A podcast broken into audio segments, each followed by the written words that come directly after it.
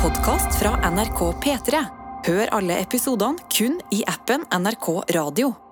Helt siden han var 15 år gammel, har Cezinando imponert, rørt og overraska oss. Men mange ble nok skuffa da det i fjor kom fram at han hadde vært med å stjele designmøbler. Så da han denne sommeren slapp albumet Sprengkulde, med bl.a. låta Big Dick Is Back In Town, var vi mange som lurte.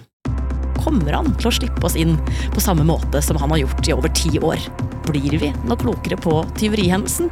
Og hvordan har egentlig veien hans vært fra å være en eplekjekk ballettdanser og et veslevoksent rapptalent til følsom og kritikerrost superstjerne, og nå en tilgitt tyv?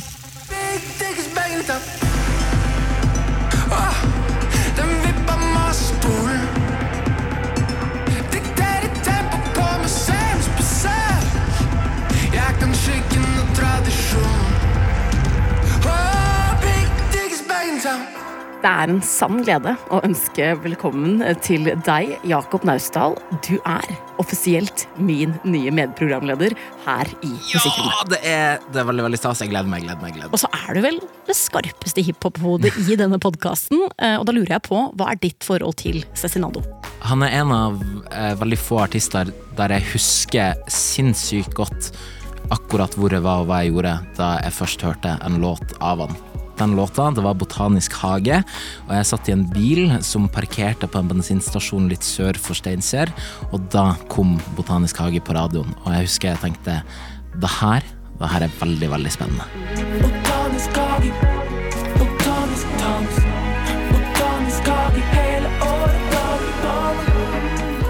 Jeg tror det er mange som har tilsvarende minner om sine favoritt-Cezinando-låter. Og jeg tror at han har vært veldig tilstedeværende i manges liv, både som artist og person. Men det har kanskje endra seg litt de siste åra. Ja, han har jo gått fra å være åpen både i musikk og intervju, til å nå så å si aldri stille når eh, media spør lenger. For det skal jo sies at vi prøvde å få med Cezinando som gjest på denne episoden. Uten å få noe svar. Så nå skal vi prøve å bli bedre kjent med han uten å snakke med han sjæl. Men han legger jo faktisk ganske mange spor om hvem han er og har vært i musikken sin. Jeg har et engstelig barn. Ene barn, ene karen som ikke ville spille fotball, for jeg var ballettdanser. Gikk meg alltid bort i verden, jeg hadde aldri stedsanser. Og pappaen min var utelivskonge, jeg visste gavene var der når jeg så bilen hans komme. Og hva som skjedde egentlig første skoledag ble bare etning, men jeg så nabogutten min gå hjem og drikke om en kjetting, og det var da jeg ble redd for verden og alt den måtte romme. Alle virka så tomme, jeg svarte stemmen i hodet mitt hjem til meg inn på rommet. Her tar jo Cezinando oss med tilbake til eh, barndommen sin. Kan ikke du gjøre det samme, Jakob? Jo, eh, han heter Kristoffer Cezinando Karlsen. Han er født og oppvokst i Oslo. Eh, Mor hans er norsk, faren er portugisisk, og det er der Cezinando eh, navnet kommer fra, fra Portugal. Han var veldig close med mora, og han hadde masse små teaterforestillinger foran henne i stua som liten. Han forlangte alltid applaus. Og eh, da han var elleve, så ble han overraska av eh, sin eh, mor. Og det var ingen liten overraskelse. Hun tok han nemlig med på Beyoncé-konsert. Og på den Beyoncé-konserten så skjedde det noe litt ekstra spesielt. Ja, Cezinando har fortalt at han under konserten satt på skuldrene til en venn av familien, og så under konserten så sier Beyoncé til salen at 'jeg ser hver og en av dere'.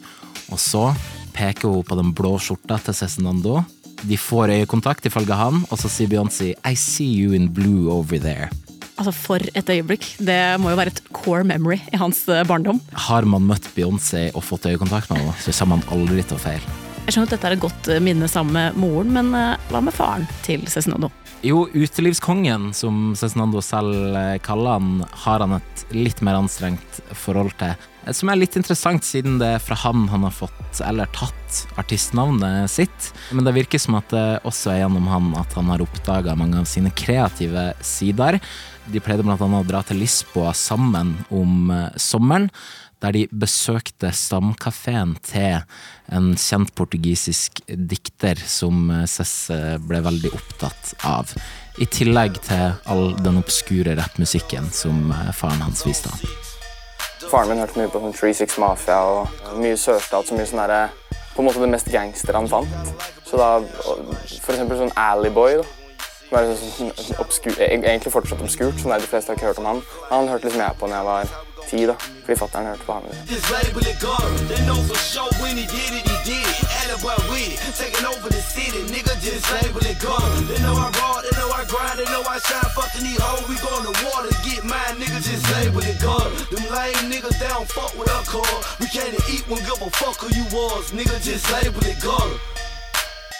Og det var jo rapper han endte opp med å bli sjøl, men Cezinando har jo faktisk hatt en fot i underholdningsbransjen gjennom nesten hele livet. Allerede som syvåring så spilte han Karsten i TV-serieversjonen av Karsten og Petra. Karsten syns det har vært for mange innom som bare har sett og ikke kjøpt noe. Jeg syns du skal kjøpe denne. Hva skal jeg med den, sier damen. Jeg har jo vannklosett hjemme. Men du trenger jo ikke å tisse på den hvis du ikke vil. Du kan jo bruke den til blomster. Han var også stemmeskuespiller i mange andre populære barneserier, som Hubert og Charlie og Lola. Og han begynte å danse ballett da han var ni.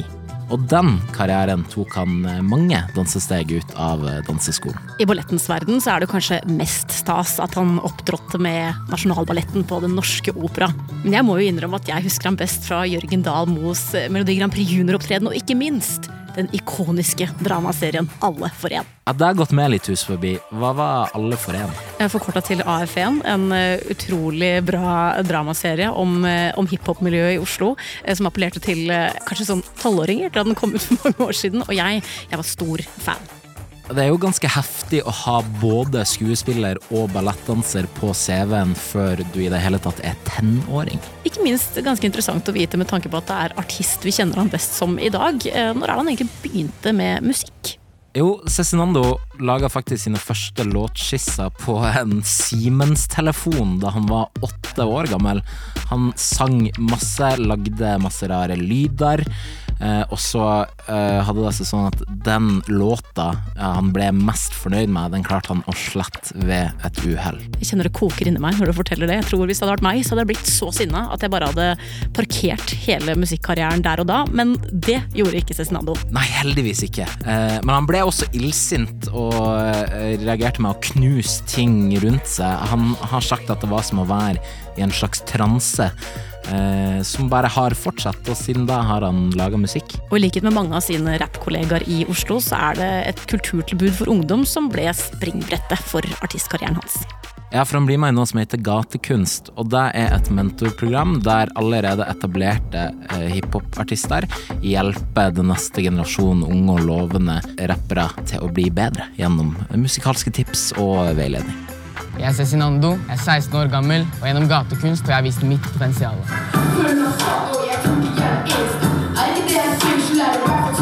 Og der blir han oppdaga av en kjent norsk duo. For jeg ble bedt i et kjendisparty av en god bekjent.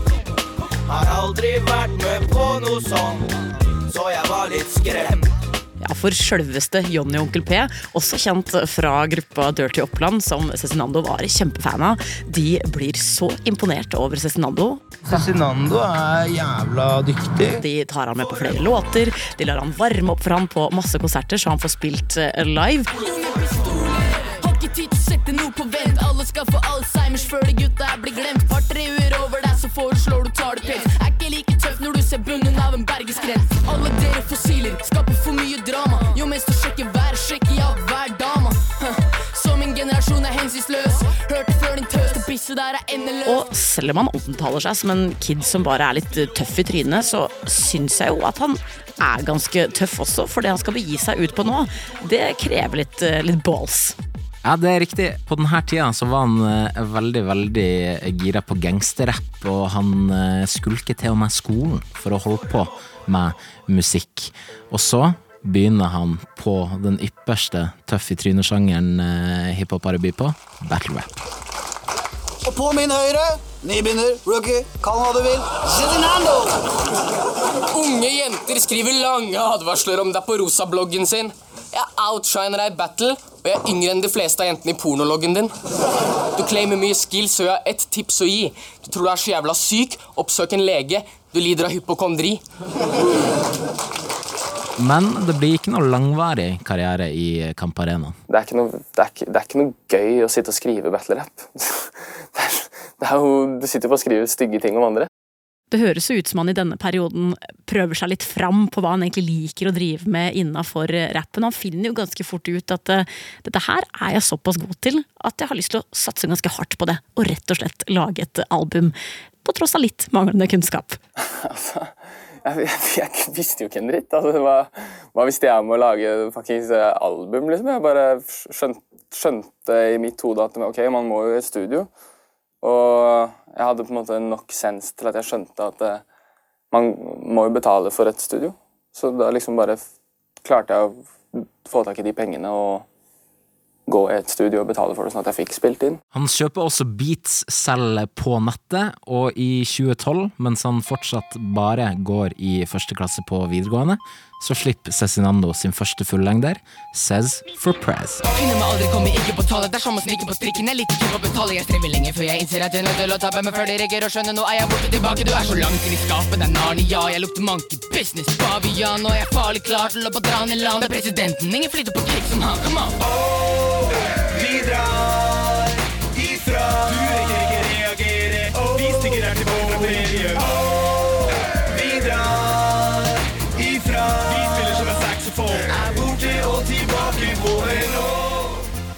Én ting er jo lydbildet her, det er noe helt annet. Veldig in your face og litt capsen bak fram, hvis du skjønner hva jeg mener. Jeg bare sånn, Tenk hvor fet han følte seg på denne tida, men stemmen er jo også noe helt annet der. Han er liksom midt i stemmeskiftet. Du burde rygge når jeg er in the zone For bare se på meg, jeg er bad to the bone De snakker om at kidden er på fylla og at den alltid er stone De snakker sannhet for jeg er bad to the bone Ja, men det er det jeg syns er litt fett, at han bare ga ut et album når det var klart, eh, og så, må man, og så synger han med den stemmen han har, selv om den ikke var ferdig utvikla ennå. Ikke minst at han gjorde det mens han fortsatt gikk på videregående. Altså, Jeg klarte så vidt å gjøre ferdig leksene mine og komme meg på fritidsaktiviteter to ganger i uka. Han var i hvert fall ikke lat.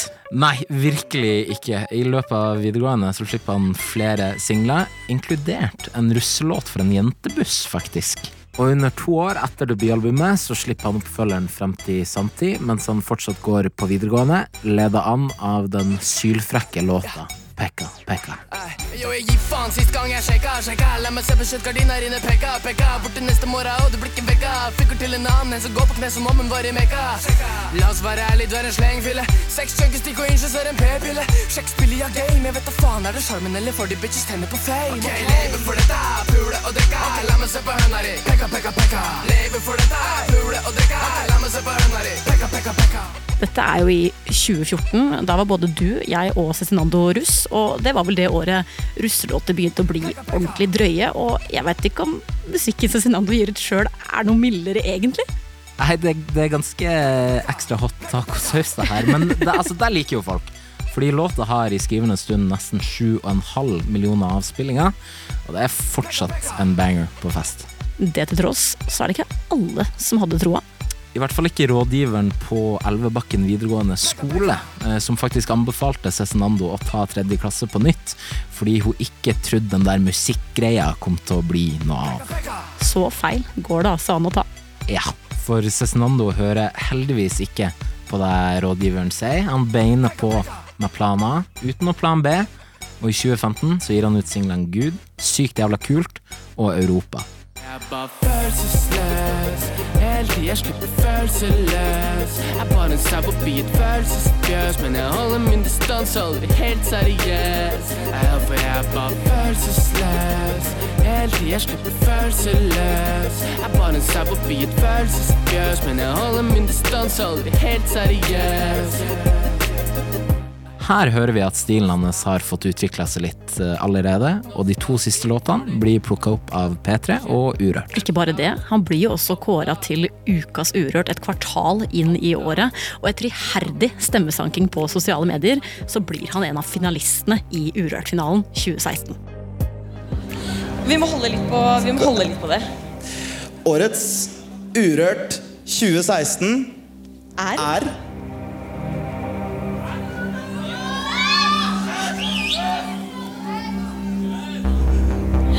Hvor lenge kan vi holde den? Vi tar det nå. Én, to, tre. Cezinando! Det her tror jeg må være mitt første møte med Cezinando som artist. Jeg husker det øyeblikket så godt. Og jeg tror det spesielt traff meg at en så tilsynelatende kul fyr, som jo allerede hadde begge beina ganske godt planta i musikkbransjen, var så rørt og ydmyk for den seieren. Nei, for faen. Shit! Shit!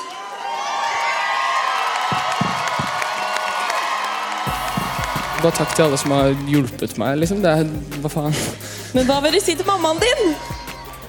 Jeg elsker deg, mamma. Sånn supersnill, er sånn kjempeblond, er sånn litt naiv, er sånn urørt vinner. Ingen stil, og jeg har ikke råd til ny sykkel. Er tre timer på å forsvinne på en bysykkel.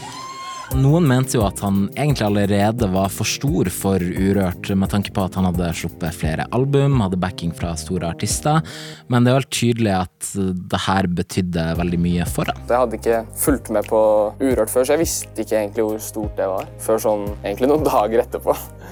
Og så hvor mye oppmerksomhet det og tilbakemeldinger jeg fikk. Da. Sånn, Oi, shit, det er mange som følger med på det, det konseptet her, liksom.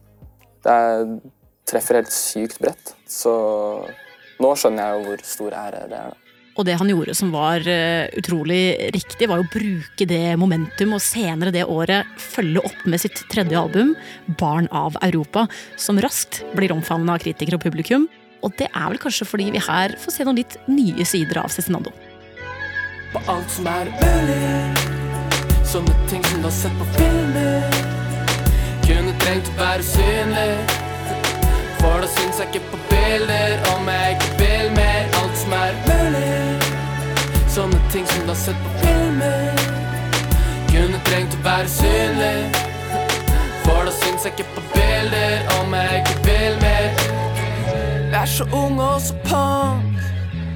Kanskje mer enn vi har skjønt. Gutta gonna get drunk. Varer til i morgen, har ikke sovet. Føles fortsatt ut som noe jeg bare har drømt.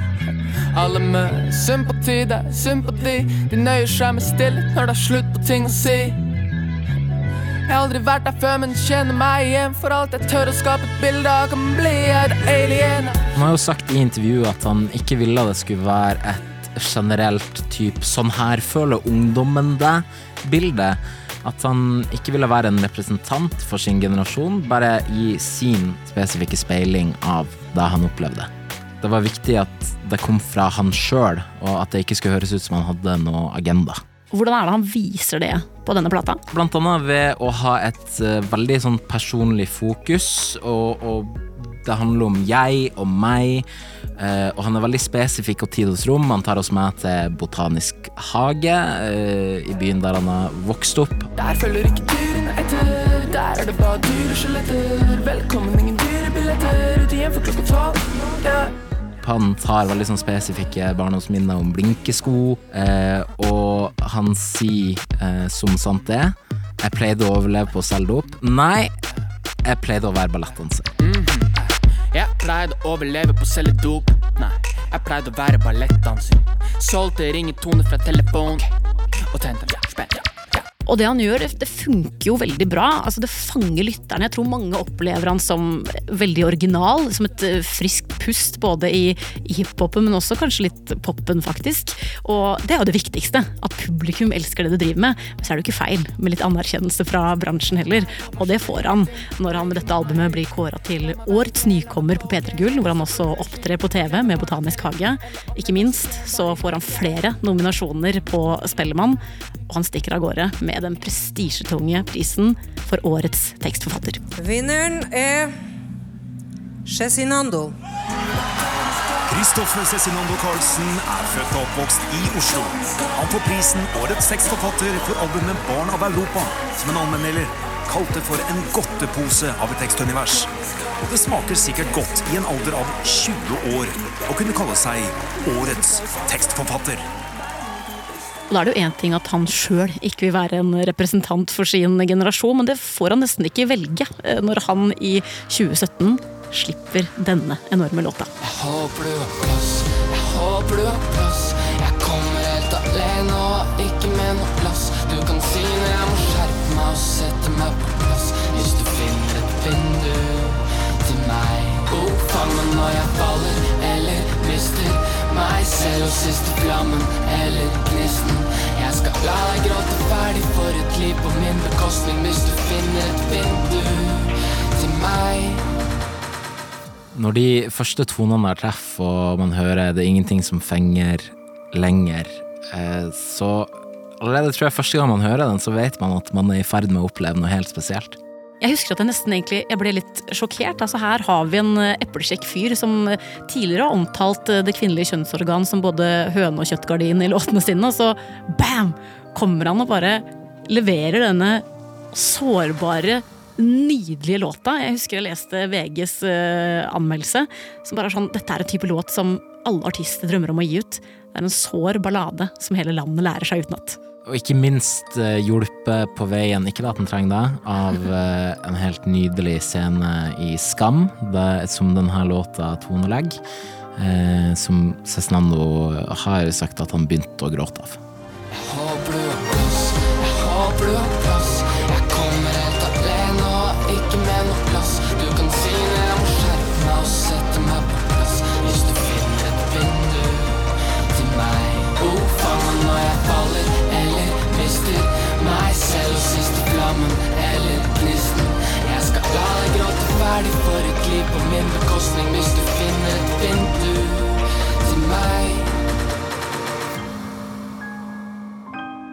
Og allerede her så begynner jeg egentlig Jeg, jeg er mett på en rekke nydelige ting.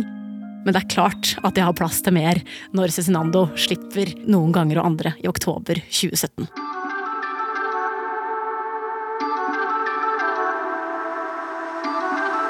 Det er perfekt, men verden er ikke det.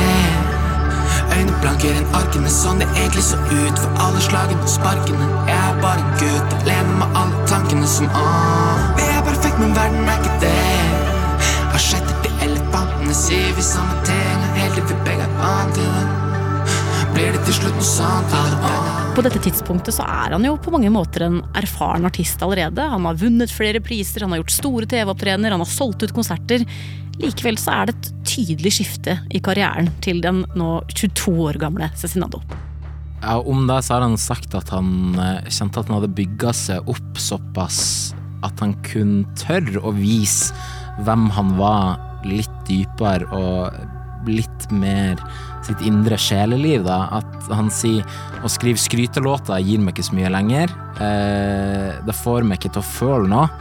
Eh, det er ved å berøre at folk blir glad i det, sier han. Og man blir jo glad i han når man hører de låtene her.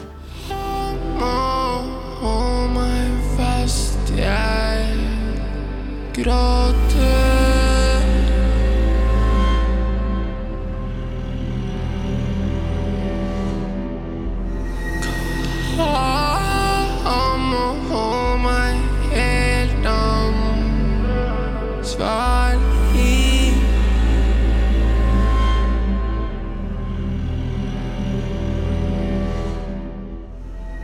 Fra første sekund på denne plata så blir vi jo tatt med i et helt vilt vakkert eh, univers.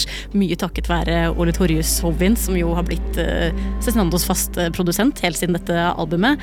Det er enda mer lekent, det er vakkert, det er slick, og også beatsene får jo mye skryt i anmeldelsene man leser om dette albumet. Ja, men uh, beatsene skal jo fylles med noe, og det er jo tekstforfatteren Cezinando som virkelig får skinn eh, i låtene som handler om en ung persons kvaler. Det handler om oppvekst, om suksess, og selvfølgelig den uunngåelige reaksjonen på den suksessen. Han er mye mer ensom og melankolsk her. Han har liksom gått bort fra det eplekjekket, og jeg tror grunnen til at han nå blir vår generasjons representant, er at han snakker mye om eh, behovet for bekreftelse, behovet for kjærlighet. Det er nok ganske mange skilsmisse- og enebarn som føler seg sett av Cezinandos eh, tekster. Nå, nå er han den representanten han ikke ville være. Han henter opp eh, de her grunnfølelsene som vi alle kjenner på, og så lar han oss fylle våre egne erfaringer inn i hans personlige tekst. Det er akkurat det jeg tror så mange setter pris på på dette albumet. Samtidig som noen savna litt eh, humoren hans, det litt sånn eh, det eplekjekke som har blitt litt eh, borte. Likevel så får han utelukkende gode anmeldelser. Altså Dagbladet skriver at Cezinando nå har satt en ny standard for hva norsk pop kan være. Og med dette albumet så blir han jo på mange måter allemannseie. Og akkurat det kan det virke som om man syns er overveldende å ta inn over seg. Men jeg er ikke tålmodig, jeg er ikke som de på TV. Men var på TV og ville prestere mens jeg skulle bli mann. Ja. Heia, yeah, heia, heia meg. De tror jeg skal finne veien, men det tror ikke jeg. Heia, yeah, heia, Greit greia bare at jeg har, har ikke vært meg selv. Jeg vet ikke hvor det blei av meg. Ja, for ting går jeg renna fart nå. Året etter noen ganger andre ble sluppet, så skal han avslutte hele Øyafestivalen i Oslo. Og det er vel en av de mest ærverdige spillejobbene en norsk artist kan få. Ja, og jeg husker at det da var mange som var usikre på om det her kanskje var for tidlig for dem. Altså, det er en enorm oppgradering å gå fra å spille på klubbdagen på Øya før festivalen i det hele tatt har starta, til å skulle avslutte hele fucking sulamitten på bare to år i 2018. Og du Anna, du var jo der. Hvordan var det? Det er egentlig vanskelig å beskrive med ord, selv om jeg ironisk nok var der og anmeldte den konserten da, da det skjedde. Men noe av det jeg husker aller, aller best, er at jeg, jeg har aldri sett så mange voksne menn på samme sted som står og tørker tårene sine. Ja, det, det høres ut som at Cezinando greide den monsteroppgaven relativt greit. Altså, det var en forestilling. Det var, det var perfekt. Fingerspissene, alt fra lys, lyd til eh, dramaturgi. Alt var bare Det satt som et skudd, altså. Men den her heftige oppgraderinga eh, og avslutte hele Øyafestivalen, den påvirker jo Cezinando også. I starten av den delen av karrieren min så var det alltid sånn et steg bak meg selv. Eksempel vi slapp eh, Håpla plass og Perfekt, og det liksom tok litt av og sånn. Og så booka vi masse konserter og festivaler og sånn, og så slapp jeg et album, og så tok det enda mer av. Plutselig ble for eksempel, da vi spilte på Stavern, ble det flytta fra kanskje den minste scenen eller hva det var, til den største. da. Og så står jeg der med honorarer fra et år siden, og folk liksom vil ha album Cezinando, men jeg har bare råd til å ha med en DJ. Det var liksom bare den greia hele tiden, at jeg lå sånn ett steg bak, da. Eller ett steg foran, kanskje.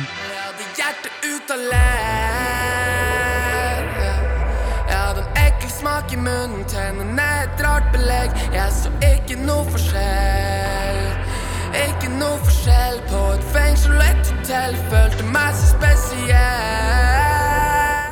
Og det kan jo kanskje være derfor det nå faktisk blir stille fra han litt lenger enn det vi har vært vant til. For det kommer jo faktisk ikke noe ny musikk fra Cezinando før i starten av 2020. Nei, og det føles jo veldig lenge, de to årene der, fordi vi har blitt så godt vant og blitt så bortskjemt av han eh, i så eh, lang tid. Men det er jo egentlig ikke så lenge. Nei, det, det, er jo egentlig ikke det. Gutten må jo få hvile, han, han også, stakkar. Eh, og han brukte jo den, eh, den, ventetida der ganske godt, for med albumet 'Et godt stup i et grunt vann', som kommer i 2020, så er han offisielt en superstar. Altså, for et album. Jeg pleide å kjenne en superhelt, men han er død. Og mamma gråter hele tiden. Det er løgn. Jeg pleide å gjøre dumme ting. Jeg ble sprø og slo meg selv i ansiktet.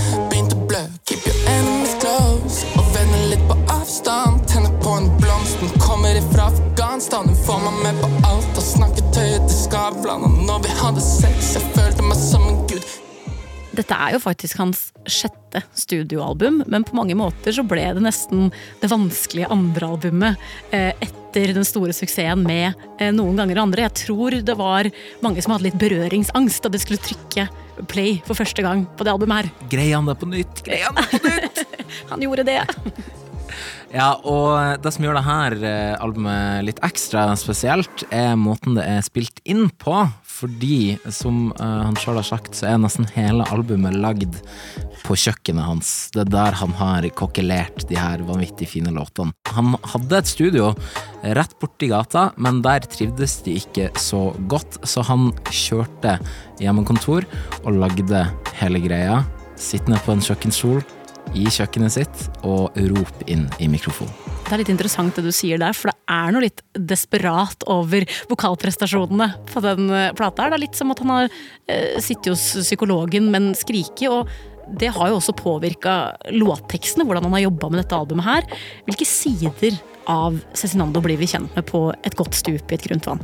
Det er jo en mindre polert Cezinando. Han er litt mer, føles det, naken. Litt mer desperat. Litt mer sånn ropende ut i tomrommet om hva han føler. Og det eh, hører man jo også på instrumentalene og på måten her har liksom stemmen hans noen ganger blitt liksom modifisert. Det høres litt rarere ut, litt sårere. En venn fortalte meg min mor elsker meg ikke lenger, bror, tror jeg det er dere to. Nei, hun sa jeg kan ikke bo der hun bor. Og for eksempel i Krokodilletårer, en av mine favorittlåter fra dette albumet, så synger han så lavt som han bare grei, og så pitcher de det opp i etterpå, som gjør det veldig sånn særegent, og man blir, fordi man har hørt det så sjelden, så blir man litt sånn Oi, hva er det her for noe? Oi, herregud, det her var uh, annerledes spennende og litt ekkelt.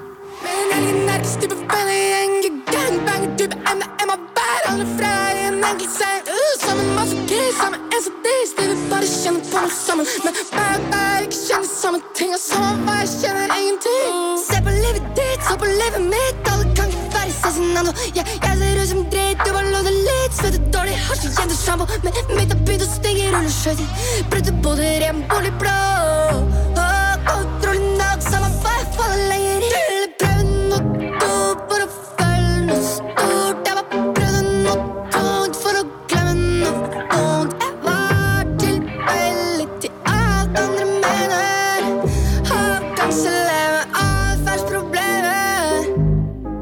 Og det er jo kanskje ikke så rart, dette litt eh, desperate uttrykket, fordi på denne plata her så får vi jo beskrivelser av alt fra suicidale tanker til ensomhet, rastløshet, eh, ganske ærlige tanker om narkotikabruk og det å se på seg sjøl som en skuffelse.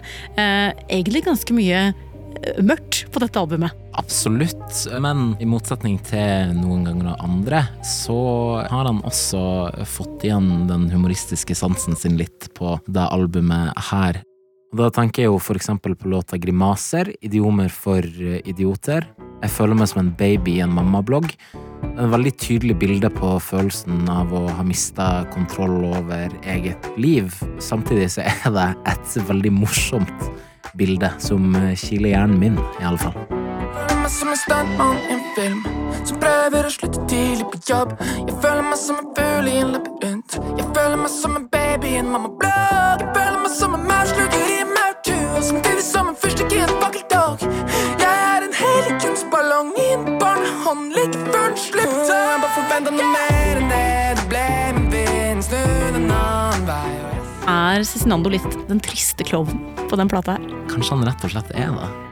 Men det liker jo folk, fordi det er flere ting som skiller seg litt ut med dette albumet. Lyttevanen til folk endrer seg litt i forbindelse med den plata her. Ja, i en tid der vi får lavere og lavere konsentrasjonsevne, vi vil ha ting kjappere, vi vil ha mer variasjon, så blir eh, de aller fleste låtene på dette albumet, i hvert fall på Spotify, hørt like mange ganger. Og det tolker jo jeg som at eh, folk har satt seg ned og hørt på dette albumet og på de tingene som Cezinando har lyst til å si, fra start til slutt. Dette blir jo ekstra tydelig når Cezinando spiller to utsolgte, etterlengta konserter på Sentrum Scene i Oslo to uker etter at albumet kommer ut.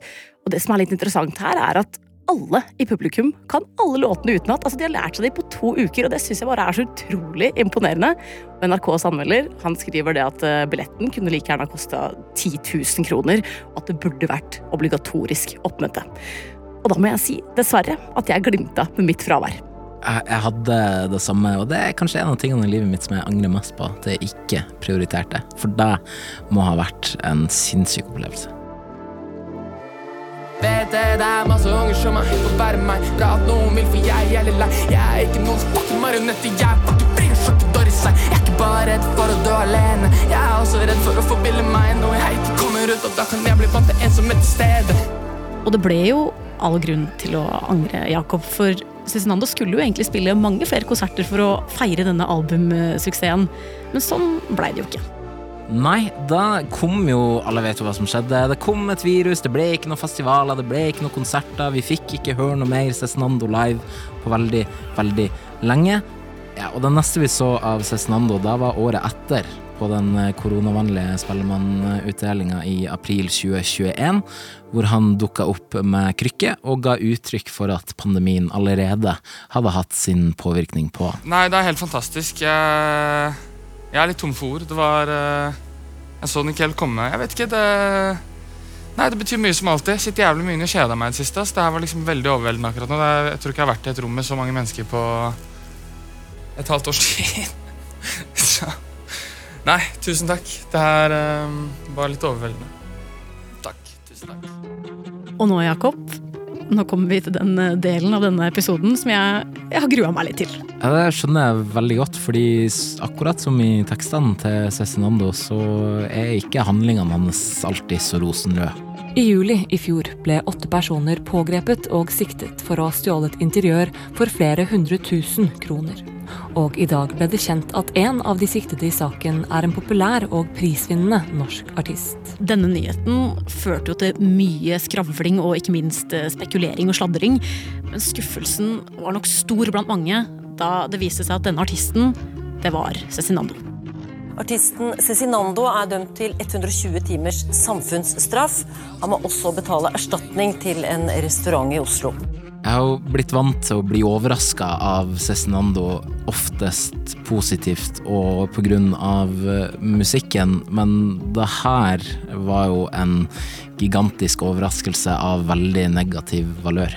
Det her opplevdes liksom på en måte som en sånn karakterbrist. Ja, hva var det egentlig som eh, skjedde? Det han ble dømt for, det var å være en del av et eh, kriminelt eh, nettverk som eh, over flere år stjal designermøbler for flere hundre tusen kroner. De gikk inn i forskjellige bedrifter som hadde dyre møbler, og bærte de ut midt på lyse dagen.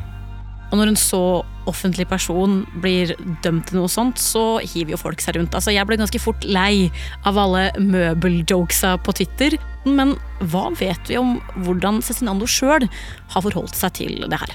Han la seg langflat i retten, og han tilsto alt uh, uten å på en måte tyste på noe av de han gjorde det sammen med. Eh, Og så ble han dømt til 120 timers samfunnstjeneste, som er en relativt mild straff sånn på overflaten, men eh, det var en del formildende omstendigheter, annet at han tilsto, at han hjalp med å få mange av møblene eh, tilbake, og at han var veldig samarbeidsvillig. I det øvrige offentlige så har han vært veldig stille. Det eneste han eh, kommenterer om det, det er på en såkalt Q&A, questions and answers, på sin egen eh, Instagram, eh, der han blir ganske funny, syns jeg egentlig, spurt eh, følgende Hvorfor stjal du de møblene, G? Gir ikke mening.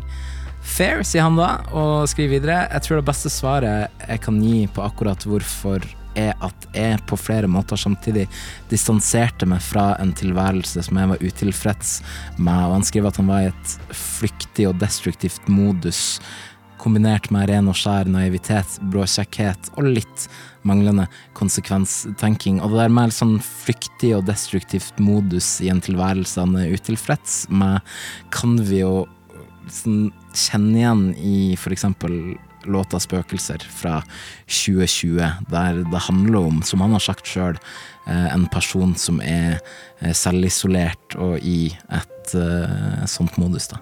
Det var jo, eh, han var jo ikke alene om å, å kjede seg under eh, pandemi, men eh, jeg personlig prøvde meg jo heller da på et eh, 1500 brikkers puslespill for å finne litt rush. Ja, jeg prøvde å lage et surdeigsbrød, og skulle nok blitt dømt til 120 timers samfunnstjeneste for deg sjøl, for det ble ikke noe bra. Det må jo være lov å tulle litt her nå, for det gjør jo også Cezinando eh, litt. Ikke bare svarte han på disse spørsmålene på storyen sin, men han delte også eh, et innlegg fra Cardi B, som også eh, fullførte samfunnstjeneste på dette tidspunktet. Og da er det noe med å eie situasjonen man er i, eller? Ja, absolutt. Og så samtidig som han eier det, så er han jo også veldig klar på at han har gjort noe veldig, veldig dumt. eh, Og bare legger seg flat uten å prøve å liksom unnskylde deg så veldig, i hvert fall. Men bare 'sorry, jeg har gjort en tabbe. Unnskyld'. Og det er jo ofte mange som er villige til å tilgi en angrende synder, men kanskje ikke allerede etter to uker, eller? Ja, Han er veldig kjapt eh, ute med å uttale seg på det jeg tror er hans favorittmåte gjennom musikken. For det kommer en fem låter lang EP som heter Samtidig, veldig, veldig kort tid etter hele tyveribruduljen. Mist det som mistes kan. Jeg sang en siste triste sang for aller siste gang, og alle synger med meg. Så alle kunne se meg in the flesh for siste gang. Adjø, farvel for siste gang. Jeg avskjed fra deg tar. Nå må jeg reise bort fra deg, og du må bli kvar. Om det er en direkte uttalelse eller et, et svar på det som har skjedd, det vet vi egentlig ikke helt. Det er litt sånn oppe for tolkningen i denne her, men jeg merker jo at jeg skalv litt i buksene av at åpningssporet heter adjø, farvel. Altså er litt sånn ok, jeg har driti meg ut, takk for meg. Da gidder jeg ikke gjøre dette mer. Vi måtte bare vente i spenning.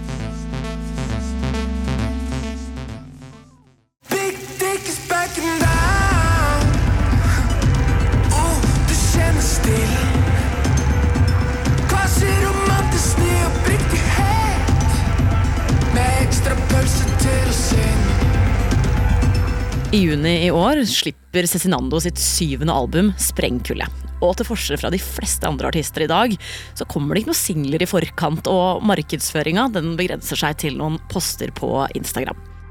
Det er jo sånt artister med ekstremt lojale og etablerte fanbaser kan gjøre. Cezinandos eget idol Beyoncé har gjort det samme ved flere anledninger, og jeg tror likevel det var enda høyere forventninger hos Cezinando sine fans, siden dette albumet kom etter Møbelgate. Der tror jeg du er inne på noe. Jeg lurer på, Jakob, hva var dine første tanker da du hørte dette albumet? Eh, det første jeg tenkte var det her er ikke et album du kan ha på litt i bakgrunnen mens du lager middag og skravler med samboeren din aktig. Det her krever at du setter ned og hører, og hører godt, og kanskje hører flere ganger. Nei, altså Hvis jeg skulle lagd middag til den eh, plata her, så ville det vært å kaste noe i en kjele i brutalt sinne, og så bare se på den etterpå i ren apati. I hvert fall under de første to låtene, Autostrada og Sture Druer, hvor produsent Ole Torjus virkelig har lekt seg med et kaotisk og iskaldt lydbilde.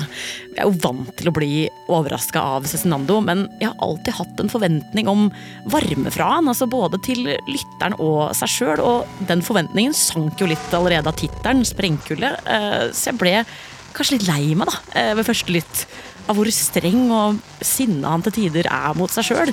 Men det er jo også noe å kjenne seg igjen i, så etter noen lytt så tror jeg egentlig at jeg likte den plata her veldig godt. Ja, for det, det er jo et album som vokser litt på en etter hvert. Eh, litt som oliven, for min del. Det er jo kanskje også fordi han igjen er veldig smart med tekstene sine, og det er vel de folk har vært mest nysgjerrige på denne gangen her.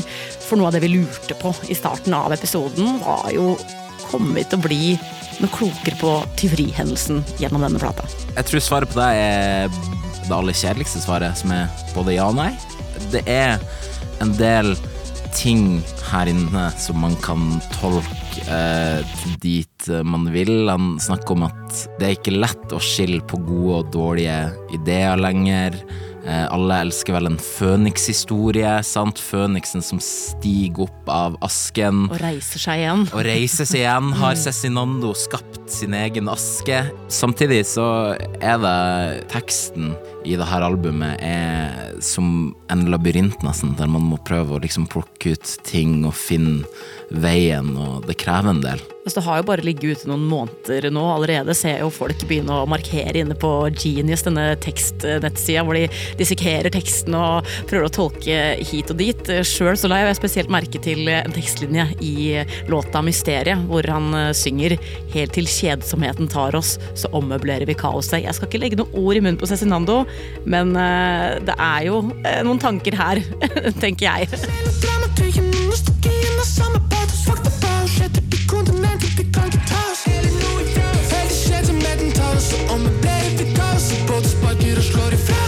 Altså, Cezinando har jo alltid vært veldig bevisst tekst, og veldig bevisst egentlig hvert enkelt ord. Det tror jeg han har fra den diktinteressen sin, at hvert ord betyr noe, og hvert ord kan ha en veldig spesiell mening. Han har jo sagt om eh, albumtittelen 'Et godt stup i et grunt vann'. Det var bare den tittel som skal være sitt eget bitte lille dikt på seks-sju ord, liksom.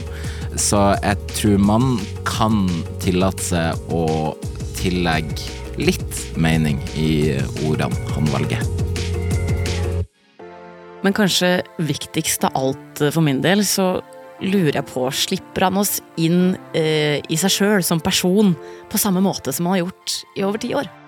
Det tror jeg han gjør. Han er bare en naturligvis annen person enn den han var for ti år siden, eller for sju år siden, eller kanskje til og med for to år siden, sånn som vi alle er. Og han slipper oss inn, men kanskje han krever mer av oss. Han krever at vi må gjøre litt jobb sjøl, og vi er blitt godt vant eh, til at han bare gir oss av seg sjøl, og det har vi fått i ti år fra den han er akkurat da. Nå kanskje må vi gjøre litt av jobben sjøl som lyttere. Og det er jo egentlig sånn som det kanskje burde være. Vi har kanskje blitt litt for godt vant med at Cezinando er en kilde til underholdning. altså Som P3s anmelder av dette albumet skriver, så kommer jo det med forpliktelser. Og det å være en kroppsliggjøring av underholdning det gjør det vanskelig å si noe om hvor personen slutter og hvor du begynner. Og det er noe jeg har tenkt litt på at eh, gjennom disse over ti åra som Cezinando holdt på som artist, så har han alltid blitt fortalt av kritikere, av lyttere, eh, hva han er. Han er original, han er et friskt pust, han er en stjerne. Altså, det er jo det vi to har sittet og gjort sjæl i, i, denne episoden. Og eh, når man er i noen av sine mest formative år, så må det kanskje bli litt sånn slitsomt etter hvert. Ja, jeg tenker jo at uh, han skal jo leve et liv på siden av og utvikle seg sjøl, han snakker om det i låta 'Spiderman' fra Et godt stup i et grunt vann, at han Eh, altså på en måte har vært norsk hiphop og norsk pops på en måte superhelt som alltid kommer og redder dagen. Eh, men det er jo en maske, sånn som alle superhelter eh, har. Så når begynner Kristoffer, og når slutter Cezinando, og når glir de inn i hverandre? Og det her må være veldig vanskelig å forholde seg til. Absolutt, i hvert fall når man har litt ting på privaten også som, som preger karrieren. Og hvis man skal ta en veldig personlig tolkning av bare platecoveret, så er jo platecoveret en liten gutt i pysjamas og tøfler som går gjennom mørket med et bitte lite stearinlys i handa i retning av lyset, og kanskje er det et bilde på veien til Cezinando den siste tida. Beklager digresjonen. Hvor var jeg? Big dick, jeg back i city. Denne gangen langsiktig.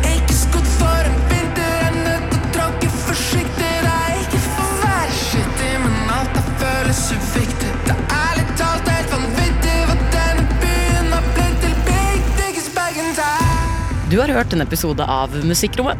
Hvis du likte det du hørte, så kan du sende linken til denne episoden til en venn, f.eks. Vi har brukt klipp fra YLTV, Skis TV og NRK-arkivet. Denne episoden er laga av Jakob Naustdal, Jean Kristin Sena, Amund Grepperud, Janne Monsen Tveit, Mats Markussen Megård og meg, Anna Nord Sørensen. Redaksjonssjef er Ida Line Tangen. Du har hørt en podkast fra NRK P3. Hør alle episodene kun i appen NRK Radio.